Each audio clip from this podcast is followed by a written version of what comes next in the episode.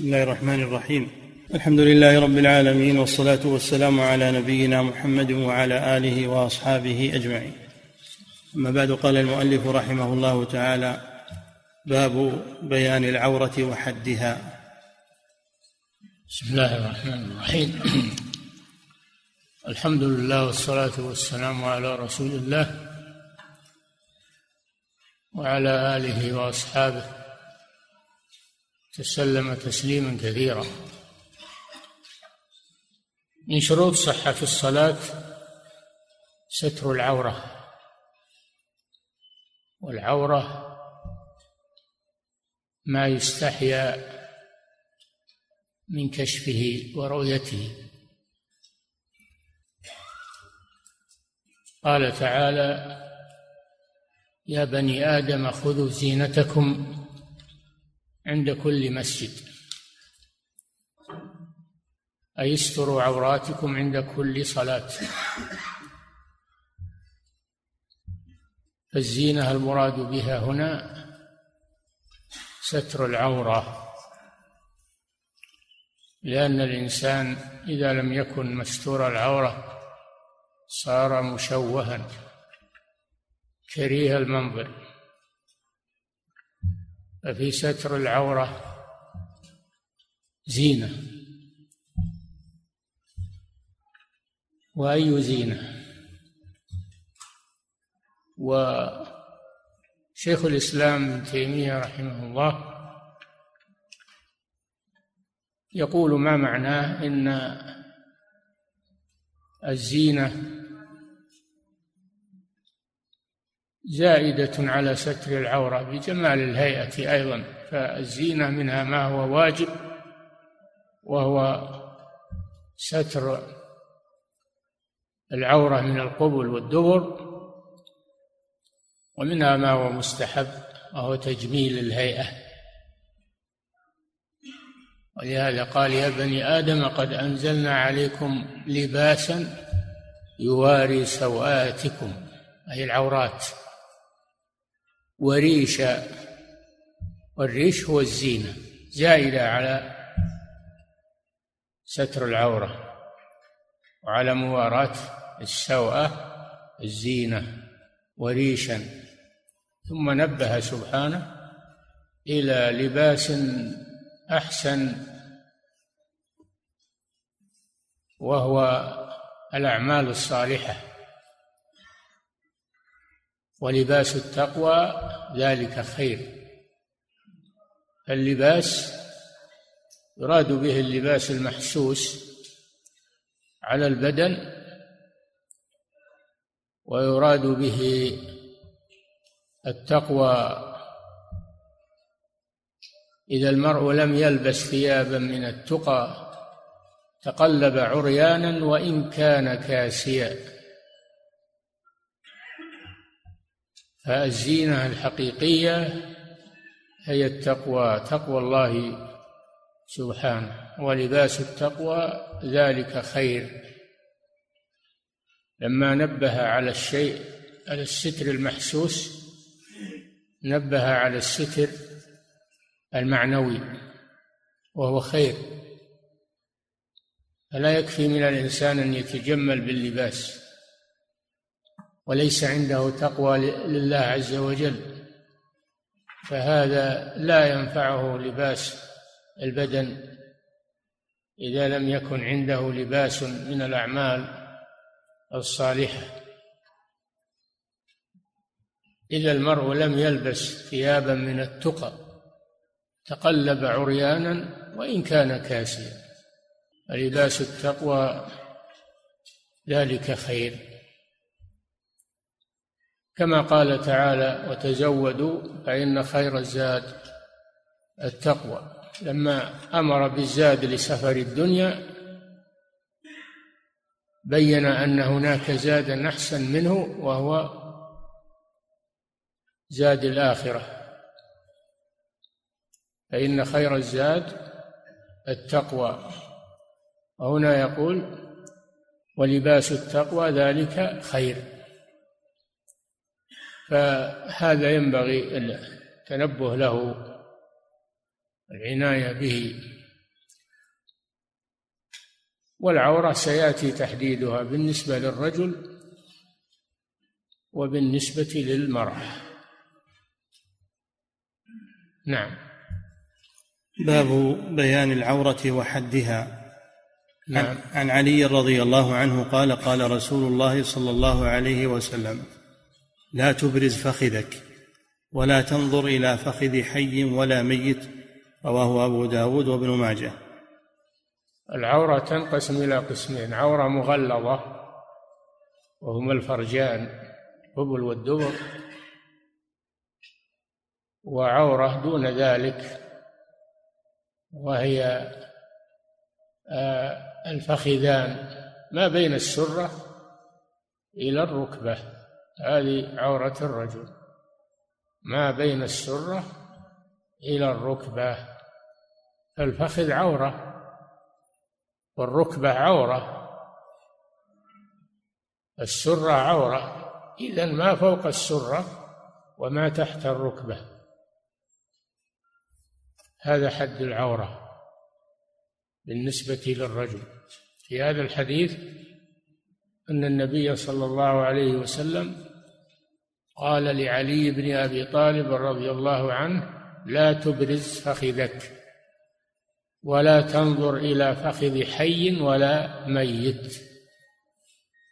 فنهاه عن كشف فخذه ونهاه عن النظر إلى الفخذ المكشوف من غيره سواء كان حيا أو ميتا حتى الميت له عورة. تستر. فهذا من أدلة تحديد العورة أن الفخذ الفخذين من العورة. نعم. وعن محمد بن جحش قال مر رسول الله صلى الله عليه وسلم على معمر وفخذاه. وعن محمد بن جحش قال مر رسول الله صلى الله عليه وسلم على معمر وقال على معمر وفخذاه مكشوفتان. فقال يا معمر غط فخذيك فإن الفخذين عورة. رواه أحمد والبخاري في تاريخه.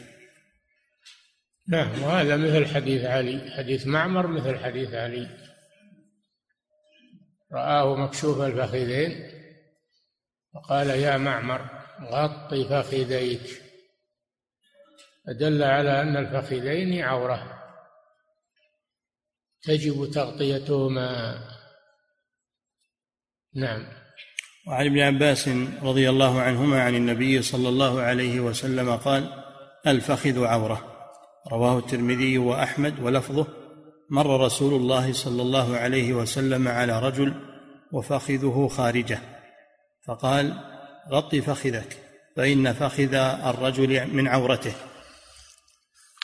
نعم. في الحديثين الأولين أمر بتغطية الفخذ ونهى عن النظر إليه.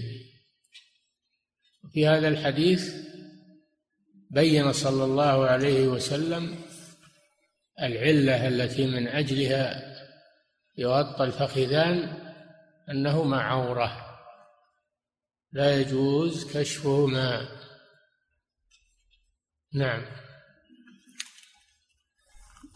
وعن جرهد الأسلمي قال مر رسول الله صلى الله عليه وسلم وعلي برده وقد انكشف فخذي. فقال غط فخذك فإن الفخذ عورة. رواه مالك في الموطأ وأحمد وأبو داود والترمذي وقال حديث حسن.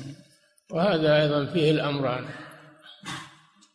اللذان سبق في الأحاديث قبله أن الفخذ عورة وأنه تجب تغطيته. هذه الأحاديث كلها على أن الفخذ عورة وأنه تجب تغطيته عن الأنظار عموما في الصلاة وفي غيرها. نعم. باب من لم يرى الفخذين عورة وقال هي السوأتان فقط. نسمع الناس يصلون يعني تبين الكسوف. والله جاء رسالة الآن يا شيخ فيه خسوف. ها؟ في رسالة من المؤذن يقول فيه خسوف الآن. وش المؤذن؟ مؤذن المسجد هنا. وين هو؟ أرسل لي رسالة أنا أرسلته. طيب صلي يا نصلي. الله يعفو عنا وعن المسلمين. الله يعفو عنا وعن المسلمين الله يتوب علينا جميعا. بسم الله الرحمن الرحيم. الحمد لله رب العالمين. صلى الله وسلم على نبينا محمد وعلى آله وأصحابه أجمعين. كانوا في الجاهلية يعبدون الشمس والقمر. فأنزل الله تعالى ومن آياته الليل والنهار والشمس والقمر لا تسجدوا للشمس ولا للقمر واسجدوا لله إن كنتم إياه تعبدون. كانوا في الجاهلية أيضا يعتقدون أنها إذا كسفت الشمس أو خسف القمر أن هذا لموت عظيم. أو لولادة عظيم. وصادف أن كسفت الشمس يوم مات إبراهيم ابن الرسول صلى الله عليه وسلم فقالوا كسفت الشمس لموت إبراهيم بناء على ما كانوا يعتقدونه في الجاهلية. فقال النبي صلى الله عليه وسلم إن الشمس والقمر آيتان من آيات الله يخوف الله بهما عباده يعني ما يحصل لهما من الكسوف والخسوف ليس لموت أحد إنما يخوف الله بذلك عباده. خوف الله بهما عباده فإذا رأيتم منهما ذلك فصلوا وادعوا حتى ينكشف ما بكم. قال صلى الله عليه وسلم إن الشمس والقمر لا ينكسفان لموت أحد ولا لحياته. فأبطل صلى الله عليه وسلم هذه العقيدة الجاهلية في الكسوف والخسوف. وشرع لأمته أن يصلوا صلاة الكسوف وأن يدعوا حتى ينكشف ما بهم ولما كسبت الشمس في عهده صلى الله عليه وسلم وهو الكسوف الوحيد الذي حصل في الكسوف الوحيد الذي حصل في المدينة بعد هجرة الرسول صلى الله عليه وسلم. خرج يجر رداءه يعني من الخوف من الله عز وجل خرج يجر رداءه مسرعا يخشى أن أن تكون الساعة أن يكون هذا عند قيام الساعة لأنه لا يعلم قيام الساعة يعني وقت قيام الساعة إلا الله سبحانه وتعالى فلا يدرى متى تقوم. صلى بأصحابه صلاة الكسوف وأطال فيها القراءة وأطال فيها الركوع وأطال السجود.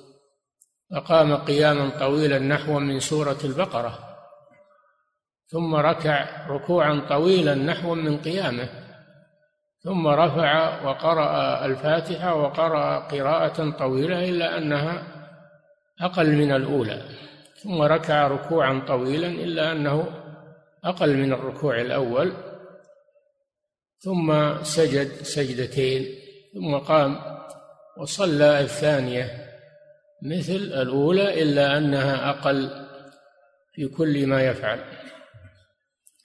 ثم سلم. فصلى صلى الله عليه وسلم ولما سلم وإذا بالشمس قد تجلت وزال الكسوف ثم وعظ أصحابه صلى الله عليه وسلم وذكرهم عند هذه المناسبة. فصلى صلى الله عليه وسلم ركعتين. كل ركعة فيها ركوعان وسجدتان يكون ركعتان أربع ركوعات و وثمان أو بأربع ركوعات وأربع سجدات. هكذا صلاته صلى الله عليه وسلم وهذه هي الرواية الصحيحة الراجحة. وإلا هناك روايات كثيرة في صفة صلاته صلاة الكسوف. لكن الترجيح هو المتعين في هذا لأنها مرة واحدة.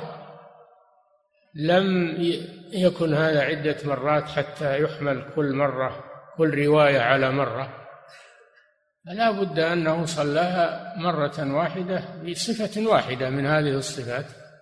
والذي ترجح هو ما في هذا الحديث وهو الذي عليه العمل والحمد لله أما من يطنطنون اليوم في الصحف ويقولون سيحصل كسوف. واغتر بذلك بعض المغرورين وبعض العوام وقالوا ما دام يعرف الكسوف فلماذا الخوف ولماذا الصلاة ما دام يعرف سببه ما وهذا من جهلهم وقلة إيمانهم. وإلا فالعلماء يعلمون وقت الكسوف. أدق من هؤلاء يعلمون هذا.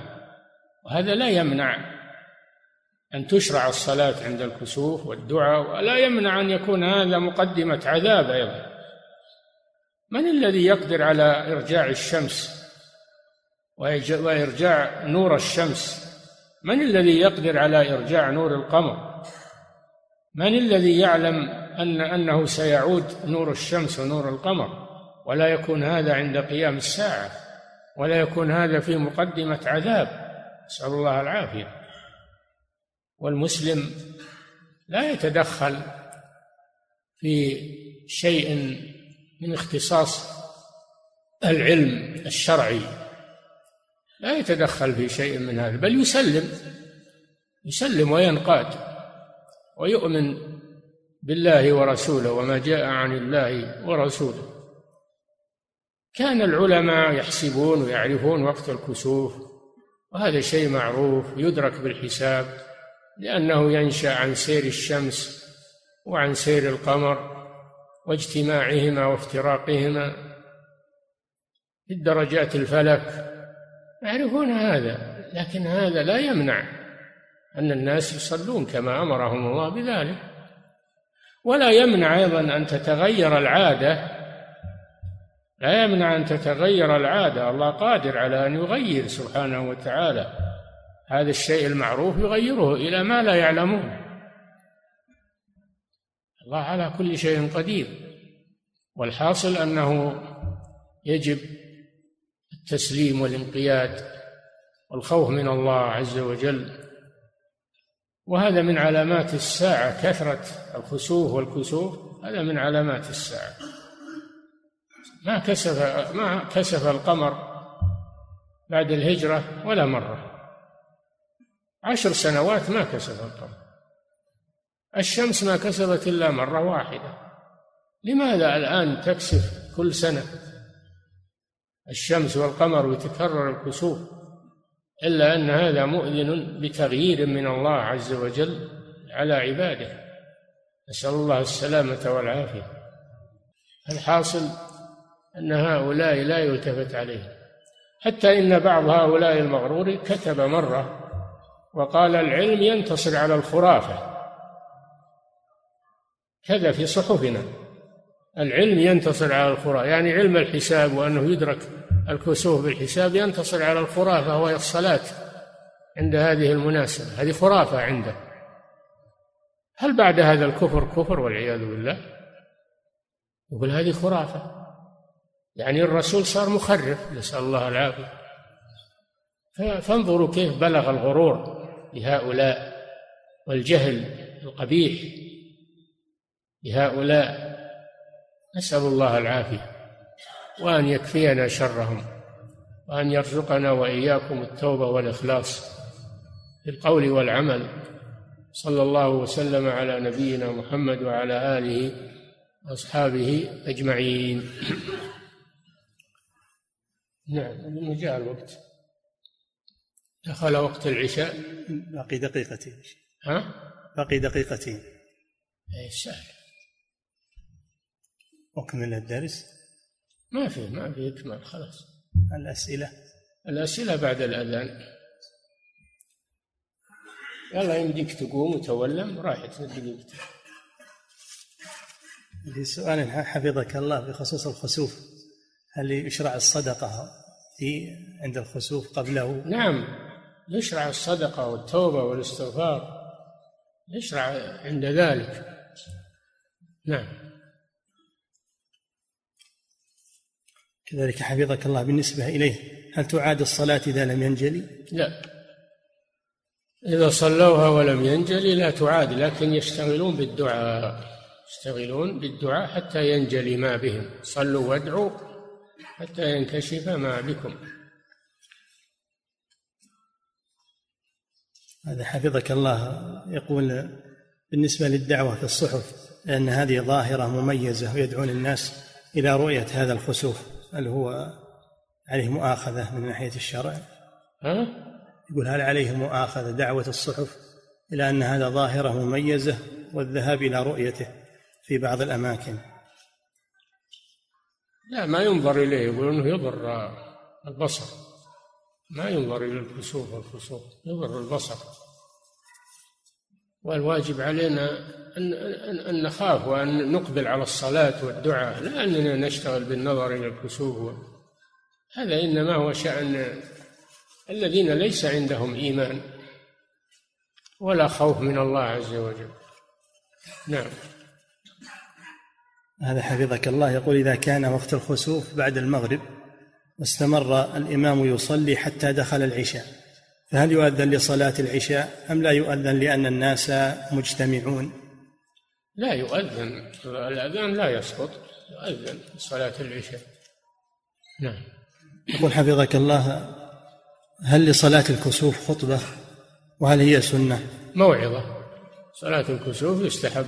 الموعظة بعدها كما فعل النبي صلى الله عليه وسلم. نعم. فضيلة الشيخ وفقكم الله هل للركوع والسجود في صلاة الكسوف هل له دعاء مخصوص؟ دعاء دعاء استغفار وتوبة إلى الله عز وجل. صلوا وادعوا. دعاء مطلق يدعو الله ويستغفر. نعم. فضيلة الشيخ وفقكم الله يقول في خطبة الجمعة الخطيب دعا بهذا الدعاء يا من أمره بين الكاف والنون اكشف عنا الضر. يا من أمره بين الكاف والنون اكشف عنا الضر. يقول هل هذا الدعاء صحيح؟ أمره بين الكاف والنون يعني قول كن. كن هذه كاف ونون. إنما أمره إذا أراد شيئا أن يقول له كن فيكون.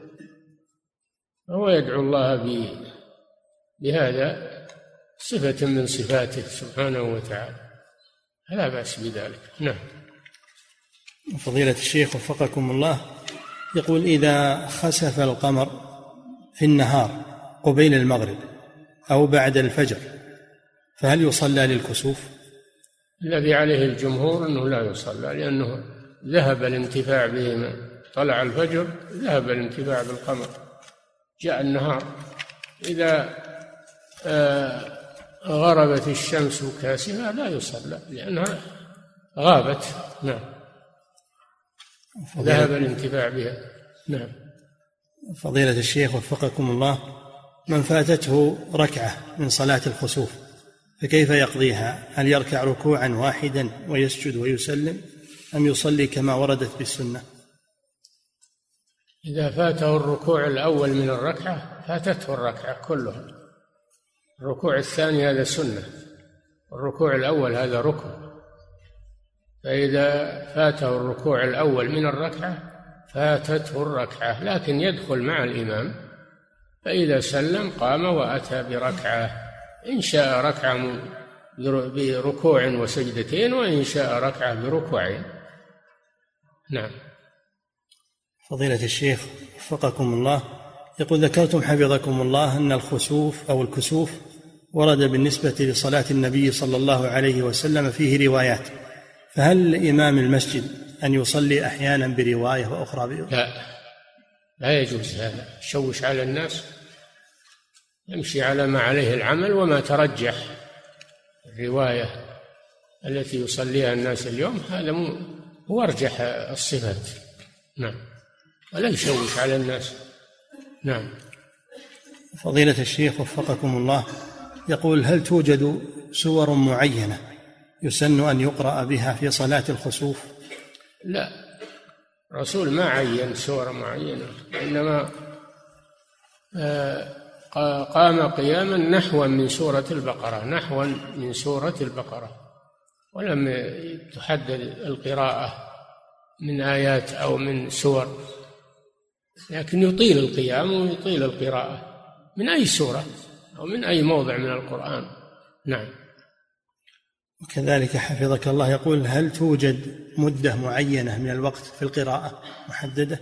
نعم. هل توجد مدة معينة ومحددة في كل أمد ما كل ما أطال القيام والقراءة فهو أحسن.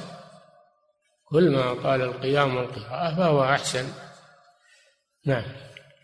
فضيلة الشيخ وفقكم الله هل يطلق الكسوف على الشمس والقمر جميعا أم أن لكل منهما مسمى يختص به؟ الصحيح أنه لا فرق. سواء تقول كسفت الشمس أو خسفت. كسف القمر أو خسف القمر. لا فرق بين ذلك. هذا من حيث اللغة. أما من حيث الشرع فلا يترتب على هذا شيء. نعم. فضيلة الشيخ وفقكم الله هل يسن للنساء أن تفعل صلاة الخسوف في المنزل؟ نعم يصليها في المسجد أو في المنزل الرجال والنساء. لكن كونها تصلى جماعة وينادى لها أفضل. ولو صلوها فرادى في منازلهم أو في أي مكان جاز هذا نعم. وكذلك حفظك الله يقول إذا حضرنا بعد انتهاء الإمام من صلاة الخسوف وكنا جماعة فهل نقضيها جماعة؟ أحسن نعم يصلونها جماعة أحسن. لكن إذا كان الكسوف باقي أما إذا زال الكسوف فلا تقضى انتهى. نعم. فضيلة الشيخ وفقكم الله هل كان الكسوف في عهد النبي صلى الله عليه وسلم حصل قبل أن يوحى إليه أن أشراط أنها من أشراط الساعة وأنها لا تقوم وفي الأرض من يقول الله الله؟ نعم. يقول هل كان الكسوف في عهد النبي صلى الله عليه وسلم قبل أن يوحى إليه أشراط الساعة؟ وأنها لا تقوم وفي الأرض من يقول الله الله. لا أعلم هذا هذا لا أعلمه. نعم. فضيلة الشيخ وفقكم الله يقول إذا دخلت المسجد فهل أقول السلام عليكم على المصلين مباشرة أو أصلي تحية المسجد ثم أسلم عليهم؟ إذا انتهيت إلى الصف أو إلى الجالسين سلم عليهم ثم كبر لتحية المسجد. نعم. فضيلة الشيخ وفقكم الله يقول ما حكم الصلاة خلف الإمام الذي يأخذ أجرة على صلاته؟ هل تبطل الصلاة خلفه؟ إذا علمت أنه يشترط يقول ما أصلي إلا بكذا وكذا لا تصلي خلفه. سئل الإمام أحمد رحمه الله عن رجل يقول أصلي بكم رمضان بكذا وكذا. قال أعوذ بالله ومن يصلي خلف هذا؟ إذا كان يشترط فلا يصلى خلفه. أما إذا كان يأخذ ما أعطي فلا مانع. وإن كان له راتب من بيت المال فلا يأخذ من أحد. نعم. فضيلة الشيخ وفقكم الله يقول هل القراءة في صلاة الكسوف كسوف الشمس هل هي جهرية؟ حيث إنه لم يذكر إن النبي صلى الله عليه وسلم قرأ سورا معينة فلو كان قد جهر لنقل لنا أي السور قد قرأها. نحو من سورة البقرة. وردت في بعض الروايات قراءة نحو سورة البقرة. فيه من يرى أنه جهرية من يرى أنها سرية. والجهرية أحوط وأحسن وأنفع للناس سماع القرآن. نعم. فضيلة الشيخ وفقكم الله يقول هل إذا حصل الكسوف ولم يصلي أهل القرية وهم يعلمون بذلك هل يأثمون بتركها؟ نعم يأثمون بتركها لأنهم تركوا سنة متعمدين فيأثمون بذلك نعم فضيلة الشيخ وفقكم الله يقول ما رأي فضيلتكم بالنسبة لمسألة غياب الشمس كاسفة أو غياب القمر خاسفا هل يصلى أو لا يصلى؟ جبنا عن هذا. لا يصلى لأنه ذهب وقت الانتفاع بهما بضوء الشمس ونور القمر. نعم. فضيلة الشيخ وفقكم الله يقول ما حكم النظر إلى لعب كرة القدم مع أن في مع أن فيه كشف للعورة بالنسبة للاعبين الفخذ.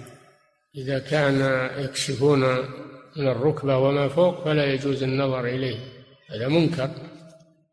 أما إذا كانوا مستوري العورات فالأولى عدم النظر لأنه لأن هذا عبث وضياع للوقت ولا فيه فائدة.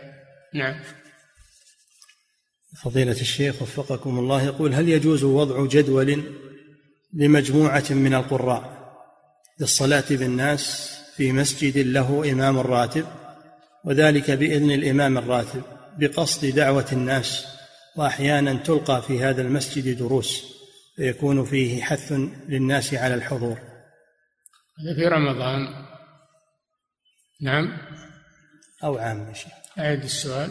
قل هل يجوز وضع جدول لمجموعة من القراء؟ للصلاة بالناس لمجموعة من القراء. للصلاة بالناس في مسجد له إمام راتب. وذلك والإمام الراتب وين يروح؟ ما يصلح هذا. الإمام لو صار موجود يصلي بالجماعة ولا يتنحى عن المسجد ويجاب إمام غيره. القراء يوزعون على المساجد اللي ما فيها أحد. نعم. فضيلة الشيخ وفقكم الله يقول سمعت أحد الوعاظ في قناة فضائية يقول إن من أصابه ألم في أي موضع من جسمه فليضع يده على الألم وليقل وله ما سكن في الليل والنهار وهو السميع العليم. الآية هل هذا قد ورد في السنة؟ لا أعرف شيئا من هذا. الناس يفعلون هذا لكن ما أعرف شيء دليل على هذا. ولكن الذي ورد أنه يقول أسأل الله العظيم رب العرش الكريم أن يشفيك ويضع يده على الألم منه أو من غيره ويدعو بهذا الدعاء. أسأل الله العظيم رب العرش الكريم أن يشفيك ويكرره سبع مرات. نعم. فضيلة الشيخ وفقكم الله. يقول هل يلزم خلع الجوارب عند انتهاء مدة المسح تجديد الوضوء؟ نعم. إذا أجل وش فائدة التحديد؟ الرسول حدد يوم وليلة. إيش فائدة التحديد إذا لم يخلع؟ فلا يخرج عن المدة. إذا تمت المدة لا يخرج عنها. انتهى وقت المسح. نعم. فضيلة الشيخ وفقكم الله يقول مجموعة مجموعة من الشركاء وكلوا أحدهم ليشتري لهم سلعة فذهب ذلك الوكيل إلى بائع يعرفه فخصه بشيء من المال لمعرفته إياه من دون شركائه. فما حكم ذلك المال؟ وهل إذا استأذن الشركاء يكون حلالا له. يعيد السؤال. مجموعة من الشركاء وكلوا أحدهم ليشتري لهم سلعة. فذهب ذلك الوكيل إلى بائع يعرفه فخصه بشيء من المال. من هو اللي خص صاحب السلعة. خصه. الضمير وين يرجع؟